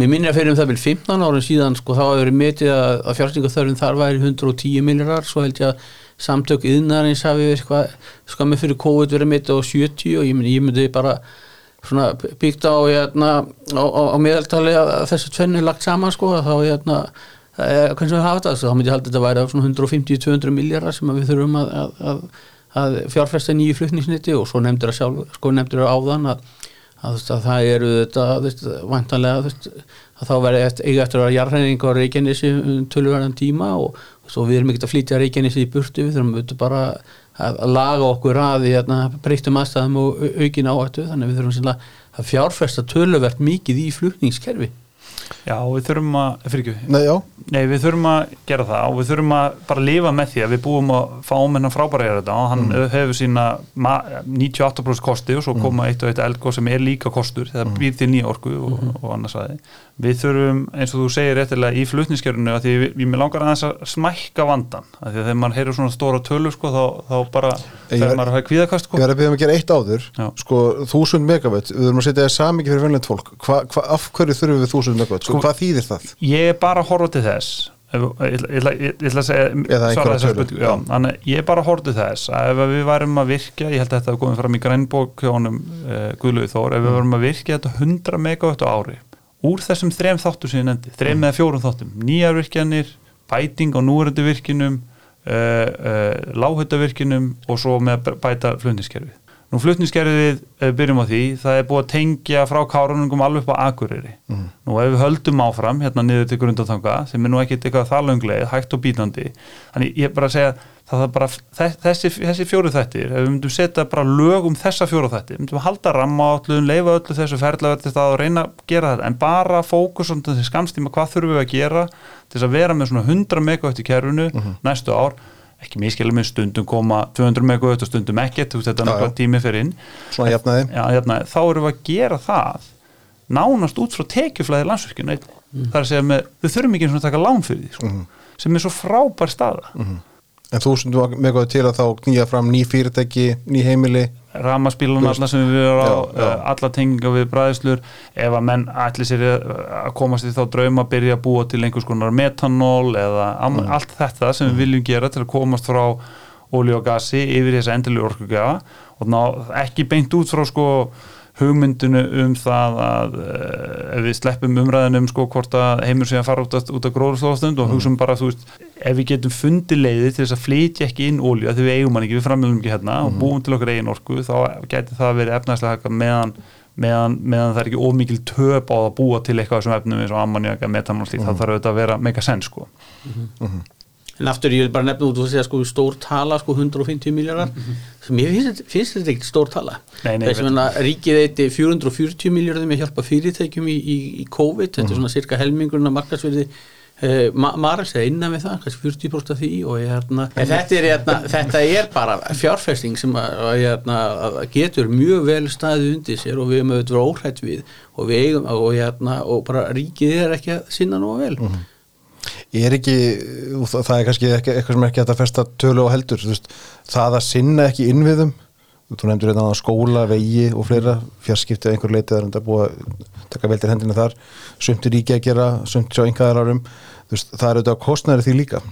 Það er mikið, við erum að, já, með því að hérna, sinna ekki viðhaldi, þá erum við að, ganga á, á höfustólinn, ég menna, með mikið að þessum verkefnum vegi og skóla og annað slíkt, að, þá er hérna, að þegar að, veist, að þú veist nokkuð veginn sko hverju nokkunin verður fram í tíman og þá veistu nokkuð neginn hvernig viðhalds áallinu verður, en það er engin hérna, stjórnmámaður sem verður í kjörin hérna, fyrir að, hérna, að, að halda áfram að sinna viðhaldi heldur fyrir að klippa á nýja að borða með einhverja mm.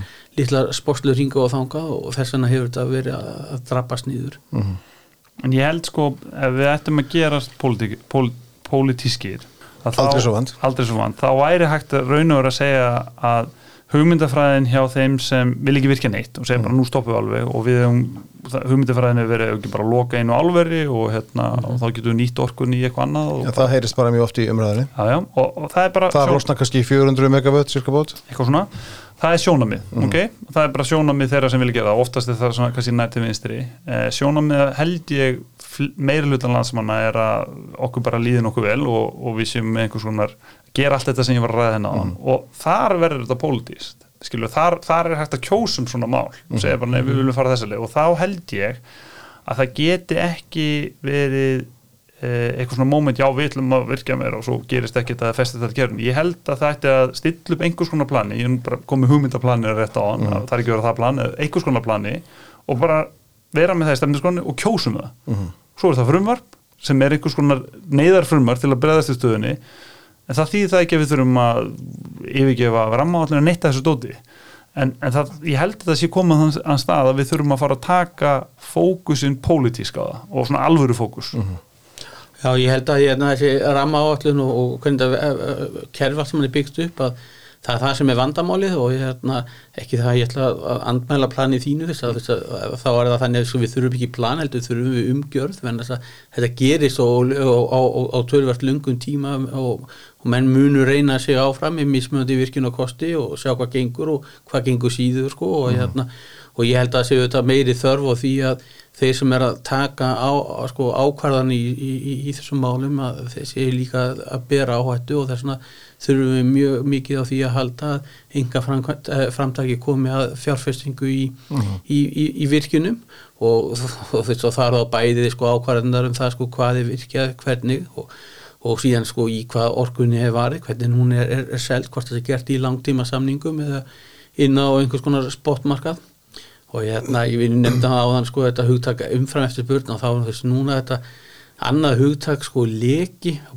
ekki leki á milli markaða. Mm. þess að svona þess hver, hver hérna, þess, þetta er komin inn í ógöngur og mann getur ekki sagt sko að við erum búin að skýta upp á bakheldur sko og kemur hvert nýjirð á fættur öðru sem ættur að vera kjöri nýjirð ásinn sko Þú vart að vísa í grein Harðar Sarnasonar í sístu viku þar sem að tala um leka milli markaða. Já, mitt Sko, eru við, þú veist, ég veit ekki hvernig orða þessa spurningu, veist, við, við erum aðeins að koma inn á þetta sko með hennar markað og þú nefndir réttilega hérna á þann með virkjanir og, og, og, hérna, langtíma samlinga til stórnótenda sem að fjármáta virkjanarnar. Er, er þetta flókið að vera með svona markaði þar sem að, álverið eða stóriðja er að kaupa orku uh, á það óturi verði til lengri tíma og vera síðan með heimilinn, við sáum bara orkan og fleiri fyrirtækjur að hérna, hlaða hraðhleislu stöðum út um all land þú veist það er verið að byggja upp allt þetta en þetta er smásala í rauninni. Fattur hvað er að fara. Er, er, er, er þetta flóki að vera með svo tvo markaði saman? Stóriðina og heimilin. Heimil og lítið fyrirtæki. Ég held ekki sko, ég held að þetta er öllum þegar jærættavirkjum sem vinnu út í allan heim þá gerur langtíma samninga orgu og þú getur líka að vera inn á spotmarkaðin spotmarkaðin er meira nýtilkomi meira gert í Európu, meira mm. gert í kringu vindin og svo frammeðs mm -hmm og hann gæti alveg verið algjör drúsubann reið uh, og til þess að geta spila spotmarkaðin þá þarf það að vera rosalega vel fjármagnar og geta þóla það að selja láguverði og svo háverði mm -hmm. og til þess að geta það er svona að segja talaði um landsfjökjunina, þeir geta það mm -hmm. og aðrir bara þurfu ótt að vera með miklu lengri samninga mm -hmm. það til dæmis hamlar mikið af þessum smávirkinum að þau oft á tíðum þurfa að hafa einhvern orkusölu samning Uh, nema þessi bara fjármæðugna algjörlega equity sem mm. þau vilja helst ekki því að orkuverðinu þar láð, þú vilt reyna að fá einhvers konar, einhvers konar skuldir inn í þennan pakka og, og þau, fá, þau fá ekki þessi lán nema að vera með einhvers konar samning, lengur mm. lengur tíma samning en þetta er ekki vandamál til dæmis hjá landsverkinu í dag, þeir gætu verið að hægt, fyrstulega ekki vera borgarnir narð út og í örulega nýta þennan þessa, þennan hagnað sinn til þess að mm. bara vera að byggja hægt á býðandi virkinni sem myndi þá þjónust að almenning á landinu. Þannig, það ætti að vera svarið fyrir eitthvað en eitthvað svona frumvarp. Mhm. -huh. Svo heldur þú bara þínu langtíma samningum og getur endur skoða þeir og ákveðinu tímum hvort það er meika sens að halda þeim áfram með ekki og, og þeir hafa gert mjög vel í því sko. Mhm. -huh það myndur alltaf hafa mikla aflengar ef að, það, það er ekki mörg á síðan að hérna Ríða Tinto var að hóta því að loka Mrs. Strömsvík mm. það myndur hafa eftir þessar aflengar loka álveri mm. alveg óháð orkunni Já, en þið sjáu þess á sama tíma samnýstuður landsverkjum þá og hvað hefði verið fyrir einhverjum einhvern tíma hefur bara fóltaðið leið sko, en þannig mm. gafstu haft einhverja, einhvers konar samnýstaðstöðu afstöðu mm. og þá var hugmyndin sko, e, e, álverið í Strömsvík er mjög lítið -hmm. og það er svona það er svona alveg við það að vera hagkvæmt á núverðu verðum uh, gengur sko en, en þú vilt hafa það alveg mun starri alveg sem við erum að keppa við annar stærri heiminum eins og ég sátti Erabíð og þú fær núna skassi frítið þess að kera frá rámagni þú veist þau eru kannski fimmfald stærri sko. mm -hmm. að Kannski aðeins í lokin sko, þú nefndir hérna á þann, við getum í rauninni verið svolítið bara eins og hérna, ríkinni miðausturlunda sem að búa ólju hérna, og ólíðalöndum, já, já, við erum það með, jarðhita og ramandi hér. Eða framlýsla ramandi sko, hvers, í hversu slæm málum er Evrópa versus við versus stöðu okkar sem að, náttúrulega, nú er stríð í Evrópu veist, þeir eru ekki að fá gas frá Rúslandi eins og voru að fá ramsframlýsla þar er náttúrulega allt, allt verðum hætti heldur en hér þú veist bara, getur þú úskipt bara fyrir okkur Sko ég ætla að taka ég ætla að taka öðlindatháttin ég ætla að, að þóru sjáum svona meira hægfræðinni mm. en ég mhm. get sagt þetta þó um þetta að óljuverð, ef við nótum það sem mæli stíku þó svo gasverð er hann bara notum ólífer sem dæmi, þá er ólífer að rokka svona millir 70 til 90 þetta er svona, svona upp í 100 fór í september en á þessu byli og þetta fyrir heiminn er mjög hátt ólífer Mm. ok, í hvers skipti sem ólífer hefur verið á þessu byli og jafnvel herra, þá hefur eitthvað brotnað í heiminum. Og nánast alltaf þegar ólífer verið topp á svona, þá keirist verðbólgu og þetta uh, var fyrst ljós þegar uh, OPEC var að verða til hérna upp hvað, 1970 þá hækkar olíuverð alveg gríðarlega Mhm. og verðbólka fylgir strax svo eftir. Uh, hagfræðingar þeir hafa alltaf uh, svona hampað einhverjum selabokastjóra eins og Volker og slíkt og hann hafa nú fundið út úr þessu og allt þetta og ég er ekkert að segja þessi eitthvað ránt en það hefur svona verið svarið.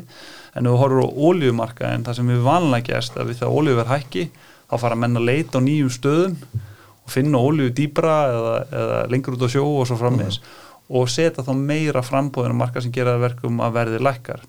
Að samaskapi það tekur uh, völdin frá uh, OPEC sem eru nú kannski ekki hópur sem við samsölum okkur við þar að segja svona stjórnanfarslega og, og meðan, meðan olíuverð var lágt frá 82 þegar brent verður, verður, verður verðlagt alveg til árið 2000 þá er Norðursjó á semst, í mesti framlegslu efer, að þá e, var gríðarleg uppsefla í heiminum. Nú frá 2000 til 2008 þá, þá helmingast e, framlegsla í Norðursjó en gera það verkum aftur fyrir ópekar reðaförinni og 2008 þegar þetta fjármálfröður þá er olíuverð komið upp í 150 dollara á tunnuna. Og ef þú fylgir bara þessum grafi og ég er nú svo sem sínt held ég þetta graf núna í sjónvarpana slíkt þá er þetta alveg eins og klukka. Og það er, ég held að því að svara spurninguninni að það sem við munum sjá er að þetta olíuverð eins og við sjáum núna fréttin á nýjastu Fraklandi og, og, Þýsk, og fleiri stöðum er verðbólgar aftur að kera stöðu þetta er undirlíkindi þrýstingur á lífskjör.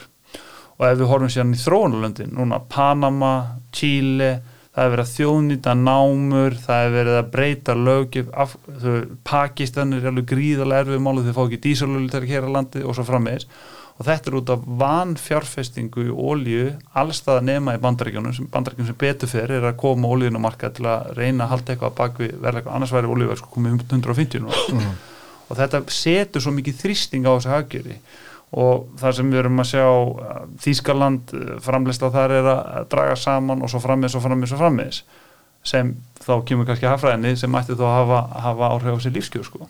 Byrjað Þá kvöldum við öfnarsakjan Jú, jú, ég er nú byrjað að taka fram ég er nú ekki alveg sammála tólkunum hans og, og, og, og, og verbulgu og sö- sögunni þó ég held að, að þetta sé hluti af sögunni en, en við ætlum bara að spurningunni með Evrópu þá náttúrulega er Evrópa veist, það er gríðilega mörg og mísmöndi löndin er í gríðilega mísmöndi stöðu. Ef við byrjum á frændum okkur normannum þá náttúrulega eru þeir við ástand okkur með hérna hæstu nótkunna og endur nýlum orkugjöfum í sínu eigin or- or- orkukerfi.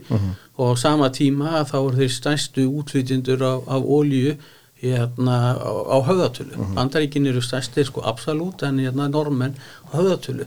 Minnir þetta séum 25.000 dólar á, mann og þeir njóta líka einhverja bestu lífskjara í heiminum með meira en bandaríkin, einhverstað í kringum 80.000 dólara og hérna, ég held að við séum einhvers staðar í kringum 65-70 síðan er þetta komin í löndu eins og Breitland og, og, og Frakland í, í, í hérna, fjö, svona kannski rúmlega 40.000 og að þetta, þetta skiptir gríðarlega miklu máli. En ef við horfum á svona löndin í Evrópa þá er sko þetta ekki bara líka.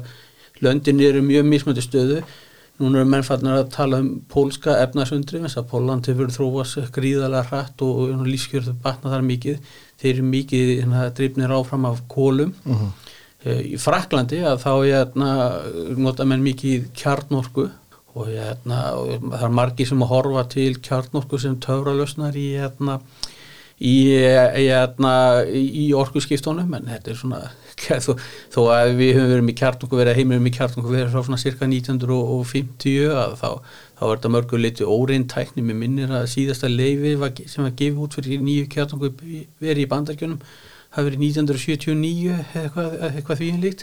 Þannig að hérna, en, og, og frakkarnir þetta verið allt ekki verið vandarlaust þannig að, löndin er í mjög mismunandi sko, stöðu upp á orku öryggi og svo hafa þau verið að tryggja sér í víða í fyrir nýlendum og í Afríku. En við sjáum kannski það land sem er að fara einna vest út úr þessu núna sem að er, er, er, er Þískaland mm. Þískaland hefur verið mikið innveldi að, að það er mikill samdráttur í hvers konar efnaðinaði og orkufregri framleyslu í, í, í, í Þískalandi og það, það þýðir ekki að, að, að, að fólk hætti að nota þessi efni eða mingi þörfin á þeim heldur er verið á útvista framleysluna til landa þar sem að það er sem að hafa betri aðgang og orgu en, en oft líka hérna, verri umhverfisreglugerðir og annað slíkt, þannig að við erum að mörguleiti að útvista Til dæmis Kína. Til Kína, allri alvöru framleyslu til landa sem að hérna, við erum svo jafnframt gaggrinn á hvernig hefða sér og sem er auðvitað ekki, ekki gott, einhvern tíma var umhverfisreifingir með sko að hvernig var þetta hérna think global, act local sko en, mm. hérna, en, en það, það vilist einhvern veginn hafa glemst þannig að en e, aftur á móti þá er Európa mjög mikla, mjög, mjög mikla möguleika í, í orkuframæslu það er bæði í Hollandi og Breitlandi möguleikar, möguleikar og, og gríðalegri gasvinnslu. Mm. og, hérna, og það hefur mestu verið stoppað. Uh, ef við horfum til þess að í bandaríkjunum þetta ævitýri bandaríkjunum eru það það land sem hafa minka mest losun og loftegundum og það er allt út af því út af frakking eða hvað, ég man ekki hvað þetta heitir og, og kalla mjög skrítið nafn á íslensku en, hérna, en sem er að, að þrýsta niður vatni til þess að þrýsta upp gasi og síðan mm. mögulega hérna, olju og, og gasi er, er besti í hérna, jarðefna elsnitiskefinu ef menn eru að hugsa um gróðrúsa á, áhrif mm. og í bandaríkjum við komum mikið í staðin fyrir kól en ég held að ég hérna að, að kannski af gasinu bara réttilega skjótt inni mm -hmm. bara svo fólk átt að segja auðveldasta, auðveldasta leiðin til þess að minka gróðursaloftundur á næstu svona 5, 10, 15 árum er að auka gasframnæslu mm. og minka kólaframnæslu á mótum. Mm. Þannig minkar 25% gróðursaloftundur og það er ekkert annað sem við getum gert sem gerir eins mikið fyrir mm. gróðursaloftundur. Þetta, þetta er það sem að hérna, Stjór, stjórnbónum tala ekki svona Nei, nei, en þetta er það sem að Evrópa getur gert og, hérna, og þá leið vanið sig af að vera háði rúsum en að þjóðverðar uh -huh. þeir veðju algjörlega á, á vinsanlega samskipti við, við rúsa uh -huh. það er svona svo með hjónaband nummið tvö þetta var svona Sigur Óskarnum fram reynsluðna sko, þannig að hérna en þannig að, hérna, þannig að, að þetta það er mjög mismöndi staða landana og þessi staða mismöndi staða í orkumálum mun ráða miklu um hvernig þeim vegnar og, og komandi árum mm. efnanslega Jájá, það verður mjög frólægt að sjá svona hvernig þetta þróast með á næsta árum En bara þannig að það sé algjörlega hreinu en þess að Íslandi eru til Európu líka þá mm. erum við algjörlega líkil stöðu og með einstak tækifæri bara ef við höfum vitað á notaðum mm. en svo eldur hefur ég þetta hefur hérna þullir hérna upp fyrir okkur og sínt okkur fram á með óíkjandi hætti Já, og kannski já líka sem er þá kannski þessi fjórða stóð, við tölum, á, við tölum um sko tré, kól, ólíu, gas svo endurlíðan orku mm. og endurlíðan orka til þess að hún sé byggð og þó er komin að þá þurfum við málma yeah. og það sem er ógvindveikjandi í þeim skilningi er að Vesturlönd hafa látið málumframleyslu og það að búa til málvinn þar að segja að þú, það er ekki nóg að taka nú jörðinu, þú ætti líka reynsan sko eins og með mhm. álurinn og Íslandun og slíð hafa nánast látið þetta algjörlega fyrir því mm. og það sem hefur gerst á síðustu, hvað þú segja 20-30 árum er að Kína hefur orðið OPEC málumsheimin á einn eða annan hát þeir eru ekki með alla námunar en raun og öll byrða línan og nánast í flestum málmum líkur í gegnum þá mm. Af hverju það? Það er að því að þeir hafa verið með efnarsmóti sem snúist um það að fjármagna námur út um allan heim, mm. fjármagna vinsluplönd, það helst heimi á sér og uh, nýta því sín eigin yðnað mm. og ég skal útskýra mjög gott dæmi þetta, það er hérna frétt sem hefur nú farið um að varandi það að Evrópa og bandarækina ætli að setja totla á um, hvað við kallum þetta EV bíl eða Ramas faratæki mm.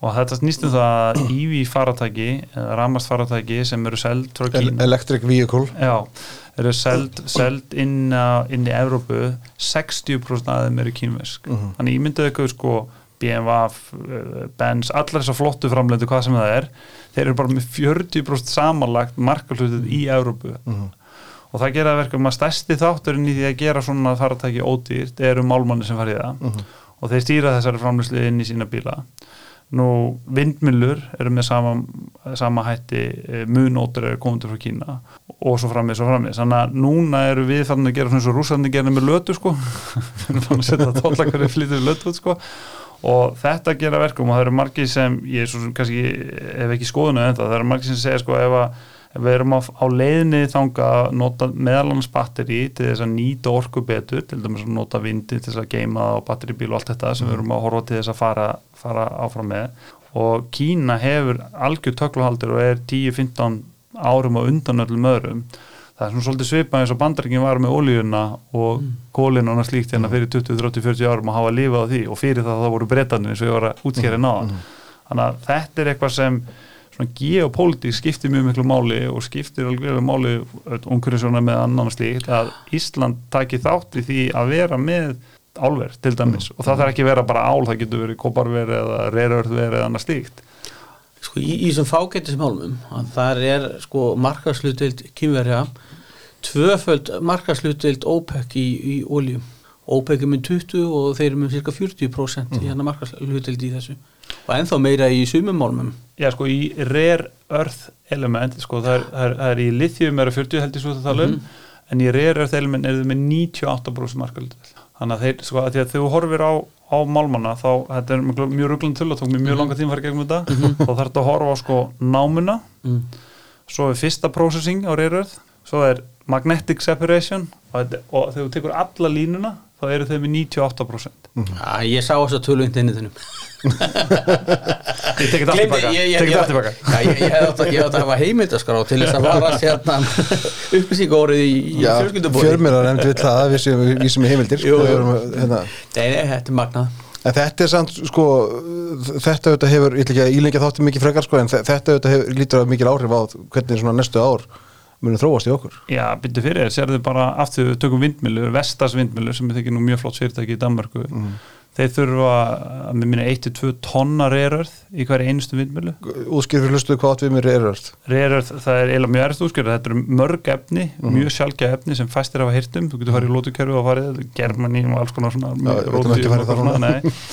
uh, og, og þú þarft að þetta eru seglar mm -hmm. þú þarft þess að nota í síman okkar, tölvun okkar mm -hmm. allt þetta sem við erum, öll þessi stjórnkjör og bílum og svo frammeins og, og eru gríðilega mikil og þannig er Kína náð sér í sérstöðu og, og hefur verið að stýra þessari framlust algjörlega og þar alveg að hafa teknifyrirtækin alltaf búið til annarkot batterivesmiður eða, eða, eða símavesmiður í Kína mm. eða tengt sér í Kína Það er náttúrulega gallin sko við öll, allar hugmyndir um orkuskipti og sérstaklega svo óareðanlegu orkugjafa að það er búið að vera svo hæg framþróun í, hérna, í, í, í batterjum mm. og finnst það kannski vera hægt sko rætt með þess að þú ber saman núna batteri í nýja iPhone við, við 3010 sko en þú ber saman við framþróuna sem hefur verið í örgjurum og öðrum slíku að þá er þetta allt öðrum skala mm -hmm.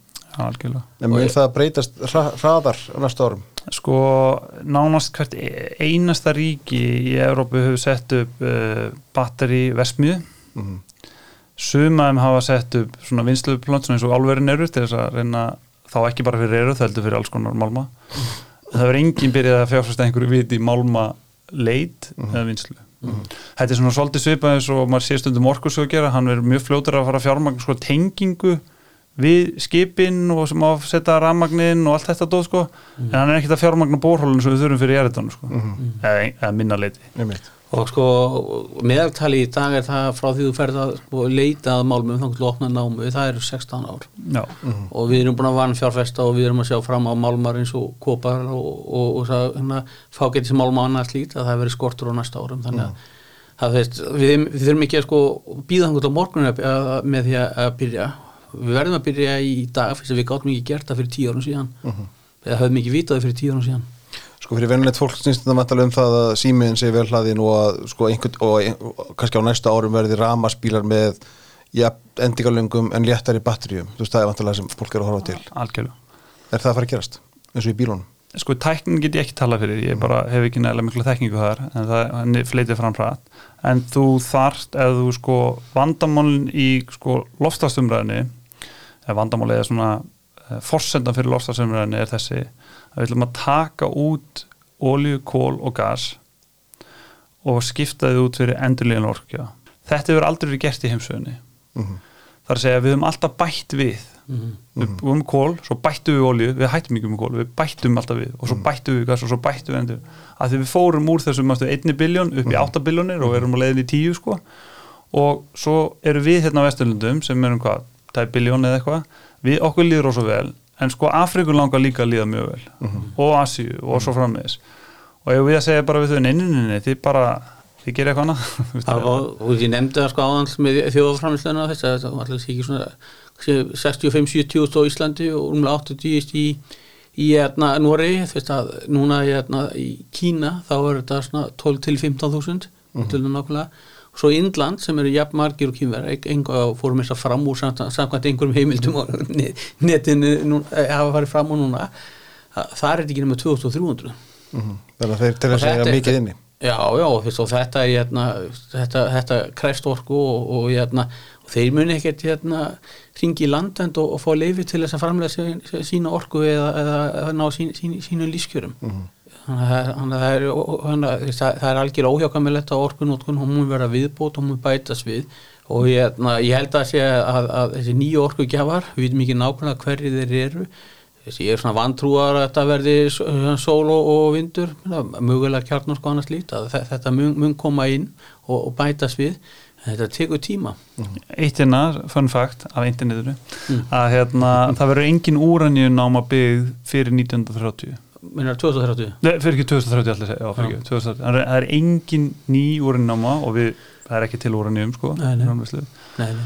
og þannig að þetta, eru svona vandamál sem við erum að díla við. Og ég held að í framhaldun þessu líka að því við erum að tala með sko Kína og, og þessi lönd er að annar vinkill að við, við höfum aðeins, ég sé sem er svona auðlinda vinkill á, á svona hvað við segja, ókýrðan sem er í eins og við með Östurlöndum og Rúslandan og slíkt, það sem Mm. gerist núna með Rúslandsstyrinu eh, og er að öll ólía og einhver leiti gas sem var að fara til Európa og slíkt, fer öll til Kína. Og við förum aðeins Kína árið 2000, þá notaði Kína jafn mikið ólíu og Ítalía 500 tónnur á dag til að keira sitt efnaðsveldi 2008 þá minnum við að við voru konum við 10 miljónur tonn á dag.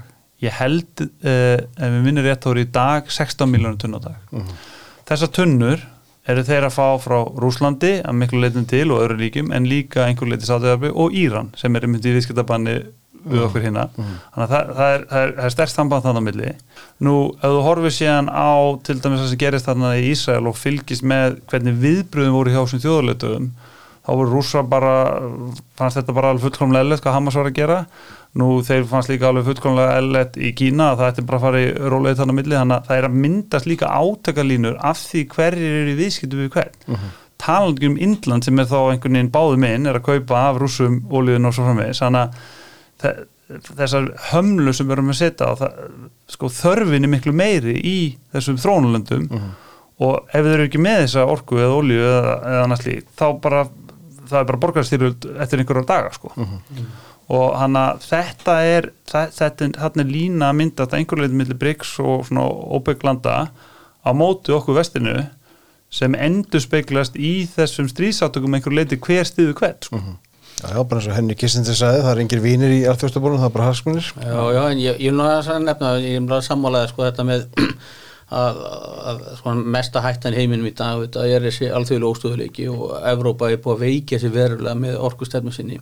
En svo við komum aftur inn á, á veist, og þú er búin að teikna upp upp hérna ansið dökka mynd og ég kannski líka út af námuvinslan annars líkt en, en sko vegna þess að hlutin veist, það er aldrei hægt að spá fyrir um hagkjörfi, það er ekki hægt að spá fyrir um, um tækniframfærir og hlutinni hafa tilneyingu til þess að, að fara verið svo lengi sem að þú veitir fólki aðtapnaferðisi til þess að leita ný, nýra lausna og halda áfram og þess vegna held ég að það sé svo mikilvægt uh, bæði í orkukjörnu hérna og, og hvarvetni í heiminum að hætta, hætta þessari ofreglusetningu, hætta hérna, þessum hérna, reglum sem að bankar og hverskins almanarsamtöku sér þetta ESG dæmi sko að hérna, svelta, svelta hérna, atvinnugreinar sem eru undirstaða velmugunar og þá hérna, held ég að, að þetta, við gætum séð hlutina snúast miklu fyrirheldur en við höldum. Allan að hafa það gert að hinga til er, virðast alltaf að vera óleysanlega þangað til, til lausnin finnst. En, en til þess að hún finnist að þá verður fólk að fá að leita. Og það er það sem að vantar í dag. Já, ég bara hjartalega samanlóð og ég held að sko, hvað höfum við? Við, höfum, inna, við búum í kerfi, við höfum frelsi til að gera alls konar hlutur og alls konar skoðanir sem er frábært. Og ég hef búið í Kína og ég hef búið og unnið í Nicaragua, Filipsum, ég veit alveg hvernig þetta er í öðrum löndum. Uh, við höfum nægilega orku, bandarækinn hefur nægilega orku sem gefur okkur tíma til að hugsa og finna nýja lausnir. Þannig að ég er algjörlega samlega með þetta í fartæðskinu og ég mitt frelsi til að gera það ég mitt er svolítið anstætt þessar ofur reglusetningu sem við erum að finna fyrir út um all þá held ég að framtíðin sem bara mjög björn en við megum bara ekki gera það saman á þýskalan gerði af því að það var hann tekið fyrir og bara segja já þetta er bara sjálfsagt, þetta mun bara alltaf koma sko og við erum svo frábæri í tækni og við verðum að hafa þenn, þennan grunn. Þegar þá getum við gert allt hitt sko. Þá getum við fundið lausnir á svo öllu og það vera nýjar leiðir til þess að nýta ráðskurna betur. Alls konar skemmtilegar hugmyndir en fólk verður að hafa tíma til að hugsa, tíma til að menta sig tíma til að gera místök og þurfi ekki bara að fara aftur út á akkur að vinna sko, allt þetta, þetta þarf að vera til staðar. Þannig við getum verið besti fyrir framtíðinni? Alltaf, alltaf. er það ekki ákveðt sloka orð Jú. Erum við ekki að fara að bóra bara um helgina? Og erum við ekki að tala um það? Jú, jú, og, jú, jú. Hittast bara- Hittast bara, hittast bara í fyrirmáli. Eldur, Þóruður, takk fyrir komuna og góð helgi. Takk Takk alveg